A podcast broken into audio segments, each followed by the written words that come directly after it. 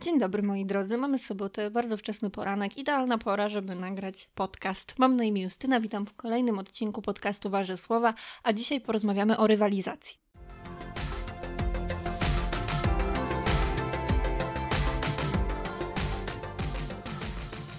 Zanim przejdziemy do tematu głównego odcinka, chciałam tylko wspomnieć o dwóch rzeczach. Pierwsza z nich jest taka, że tak jak wspominałam w ostatnim odcinku o książkach, chciałabym drugi raz sięgnąć po książkę Katarzyny Grocholi Nigdy w życiu. Znalazłam tę książkę w moim mieszkaniu i zaczęłam ją czytać kilka dni temu i tak sobie ją podczytuję w wolnych chwilach. Jakie wrażenia po 13 latach od pierwszego czytania? Przypominam, że jak czytałam pierwszy raz miałam 16 lat, więc to zupełnie inna ja. Czasami trudno mi jest się zgodzić z tym, co mówi Judyta. Czasami wydaje mi się, że to, co mówi jest bezdennie głupie albo jest zachowanie jest głupie po prostu i że jest uprzedzona i robi głupoty. Po tyle. Czasami mam takie wrażenie i aż mnie to razi. Ale oprócz tego, że gdzieś tam nam się rozmija już z Judytą troszeczkę, to książkę czyta się bardzo, bardzo przyjemnie. To jest bardzo lekka lektura. Ja teraz mam akurat bardzo pracowity okres i nie mam siły po prostu na czytanie książek, które są wymagające, więc e, nigdy w życiu jest idealne. Jest e, bardzo przyjemna i bardzo sentymentalna też, e, to trzeba jej przyznać.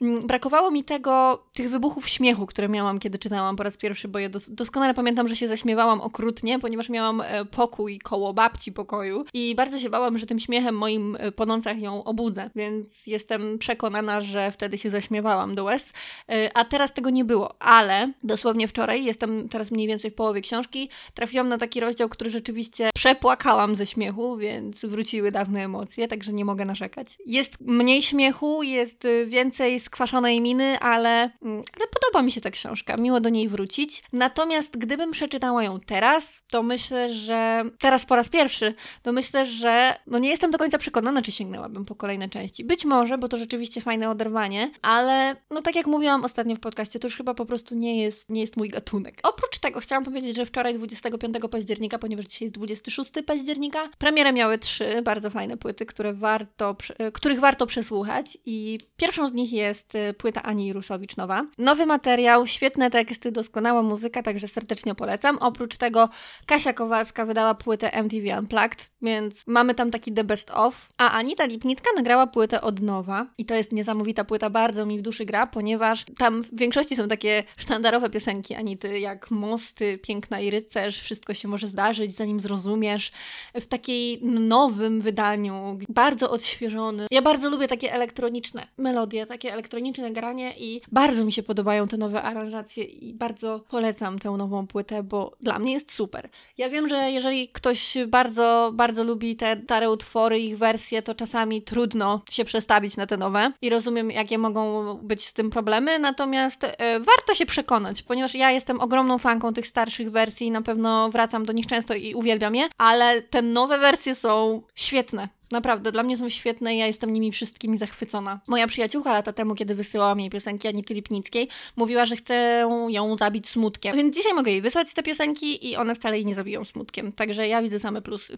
Ale przejdźmy już do tematu. Tematu, którym ma być rywalizacja. I nie chodzi mi tutaj o rywalizację, która jest jasna, o której wiemy. Powiedzmy, że stajemy do konkursu z kimś i po prostu wiemy, że musimy być lepsi, żeby wygrać. W porządku, każdy wie o tym, że bierze udział w tym konkursie, że rywalizuje z kimś i, i nikt nie jest zaskoczony. Natomiast chodzi mi tutaj bardziej o taką rywalizację, która dzieje się niezależnie od nas. My nawet czasami nie wiemy, że z kimś rywalizujemy o coś. Dowiadujemy się po czasie, najczęściej jak już ta druga osoba wygrywa tę rywalizację, o której my nie mieliśmy zielonego pojęcia. Trochę mi to przypomina taki wyścig szczurów w pracy, nawet nie trochę, bo miałam bardzo podobny przy przypadek kiedyś y, bardzo dawno temu, już lata temu, ja i moja koleżanka byłyśmy zatrudnione na tym samym stanowisku. To znaczy, wykonywałyśmy te same zadania, ale to nie było tak, że która z nas będzie je wykonywała lepiej czy więcej, czy szybciej, e, ta zostanie na tym stanowisku, a druga odpadnie. Nie, nie, po prostu było takie zapotrzebowanie, że były dwa stanowiska takie same. No i miałyśmy przydzieloną pulę zadań i taki limit dzienny tego, co mamy zrobić. Więc ja sobie spokojnie swoim tempem robiłam tyle, ile powinnyśmy w ciągu dnia, ale że miałyśmy mieliśmy wspólną pulę zadań, to widziałam, że moja koleżanka bardzo szybko zabiera te zadania i robi jedno za drugim, robi ich znacznie, znacznie więcej. Teoretycznie wiedziałam, że nie chcę robić tego, co ona, bo gdybym złapała tyle srok za ogon, to każde zadanie pewnie robiłabym niedokładnie, a tego nie chciałam. Więc pracowałam w swoim tempie, wiedziałam, że to nie jest ani za mało, ani za dużo, że po prostu robię tyle, ile powinnam. Natomiast sam fakt tego, że ja wiedziałam, że ona robi tak bardzo dużo i chcę pokazać, jak robi dużo i że znacznie więcej ode mnie, już miałam cały czas to z tyłu głowy, że ja może powinnam więcej. To mnie bardzo stresowało i to sprawiało, że czułam się z tym bardzo źle. Ostatecznie skończyło się tak, że okazało się, że ona robiła rzeczywiście dużo, ale bardzo po łebkach. No i tak to się zawsze kończy, więc no nie zawsze ilość, lepiej jakość. Ale wejście do takiego wyścigu szczurów i uczestniczenie w nim zupełnie nie chcąc, zupełnie jakby bez świadomości, a może ze świadomością, tylko nie chcąc w nim być, jest okropne. Przynosi dużo stresu i takich negatywnych emocji i przeszkadza w tym dobrym, sumiennym, produktywnym wykonywaniu swoich obowiązków. Dlatego tutaj chciałam tylko o tym wspomnieć, bo, bo to mi się naprawdę bardzo z tym kojarzy i od razu przyszło mi do głowy, e, przyszła mi do głowy ta sytuacja. Natomiast e, tej takiej rywalizacji, o której nie wiemy, jest bardzo dużo i to nawet nie mówię tutaj o jakichś moich doświadczeniach, ale wystarczy spojrzeć gdzieś na swoich znajomych, wystarczy sobie pooglądać trochę internetu, trochę obserwować ludzi i widzi się, że ta rywalizacja jest właściwie wszędzie. Kojarzy mi się też to z taką rywalizacją o względy. Zdarza się, że na przykład przyjaźnimy się w trójkę. To jest zupełnie teoretyczna sytuacja, ale przyjaźnimy się w trójkę i powiedzmy, że jedna z tych osób uważa, że rywalizuje z nami o względy tej trzeciej. Ty oczywiście nie masz o tym zielonego pojęcia, prawda? Bo skąd masz wiedzieć? Ale ta osoba rywalizuje, na przykład zaczynając słuchać tej samej muzyki, której y, słucha ta trzecia osoba, albo oglądając te same, albo w ogóle przypodobując się tak bardzo, bardzo mocno, żeby mieć o czym pogadać, żeby było coś, co macie wspólnego, a tamta osoba nie ma. Zastanawiam mnie po co to. Przecież można spokojnie przyjaźnić się w tę trójkę i najprawdopodobniej ktoś kogoś będzie tam lubił troszeczkę mniej albo bardziej, z kimś będzie bliżej z kimś dalej i to wcale nie znaczy, że, że to jest coś złego, że będzie źle traktował tę drugą, mniej lubianą czy mniej bliską osobę. To chyba nie na tym polega. Myślę, że wszyscy mamy takie relacje w życiu, że ktoś jest nam bliższy, ktoś dalszy, ale to nie znaczy, że ten ktoś dalszy jest przez nas źle traktowany czy jakoś ignorowany. To nie na tym polega. Nie do końca mamy też wpływ na to, kogo, kto nam się staje bliższy, a kto nie. Ja mam w ogóle od razu taki mechanizm obronny, że jak widzę, że ktoś rywalizuje ze mną o czyjeś względy, to od razu myślę sobie, a wiesz co, ja sobie pójdę, a wy sobie bądźcie najlepszymi przyjaciółmi na świecie, bo ja nie chcę być w takiej relacji. Zawsze bardzo jakoś tak gdzieś yy, taka tarcza ochronna mi się włącza. Na szczęście takie sytuacje już minęły i głównie gdzieś tam się działy, jak się było dzieciakiem, bo wtedy się często gdzieś tam w jakichś grupkach trzymało i zawsze ktoś kogoś lubił bardziej. Takie jest życie. Naprawdę nie trzeba o to rywalizować, żeby, żeby się dobrze bawić w tej grupie. Kiedy na przykład zajrzymy sobie w internet, to możemy zauważyć, że jest ogólny konkurs na to, kto jest bardziej zmęczony. Oczywiście najbardziej zmęczone są kobiety, które mają dzieci, które jak raz w tygodniu nie wstawią mema o tym, że co osoby bez dzieci wiedzą o zmęczeniu, to będą chore. Więc to jest zawsze dla mnie dziwne, ponieważ po co my sobie musimy udowadniać, że ktoś jest mniej zmęczony od nas i że to my jesteśmy tą najbardziej zmęczoną osobą, bo, bo co? Bo wszyscy mają nam współczuć, czy o co chodzi. Każdy ma prawo do zmęczenia, bez względu na to, co robi, czym się zajmuje, czy ma dzieci, czy nie ma dzieci. I takie próby powiedzenia komuś, że co tak naprawdę wie o zmęczeniu, są bardzo, bardzo nie na miejscu, żeby nie powiedzieć, że głupie. Ja pracuję zdalnie, więc ja to się w ogóle nasłucham o tym, jak to nie mam prawa być zmęczona. Kiedyś w ogóle siedziałam w grupie ludzi i gdzieś tam zeszło na zmęczenie po pracy i gdzieś wspomniałam o tym, że teraz mam bardzo, bardzo pracowity okres i jestem po prostu strasznie zmęczona, to się człowiek dowiedział, że ty przecież ty nie pracujesz. Więc słuchajcie, jak nie wychodzisz z domu, to nie pracujesz, ale to jest chyba temat na inny odcinek podcastu. W każdym razie nie możesz być zmęczona, jak pracujesz w domu. Możesz być zmęczona tylko jak z niego wychodzisz. Tak jest. Więc są te konkursy o to, kto jest najbardziej zmęczony. Są konkursy o to, kto wie więcej na jakiś temat. Są konkursy o to, kto może narzekać, kto nie może narzekać, kto ma gorzej, kto ma bardziej. Po co? Właśnie to, co mnie najbardziej zastanawia w tym wszystkim, to po co? Wyobraźmy sobie taką sytuację, że mówimy naszej bliskiej osobie, że chcemy zacząć biegać, że zaczynamy biegać i chcemy przebiec 5 km. No więc w końcu udaje nam się przebiec tych 5 km i mówimy tej osobie: Słuchaj, w końcu przebiegłam 5 km.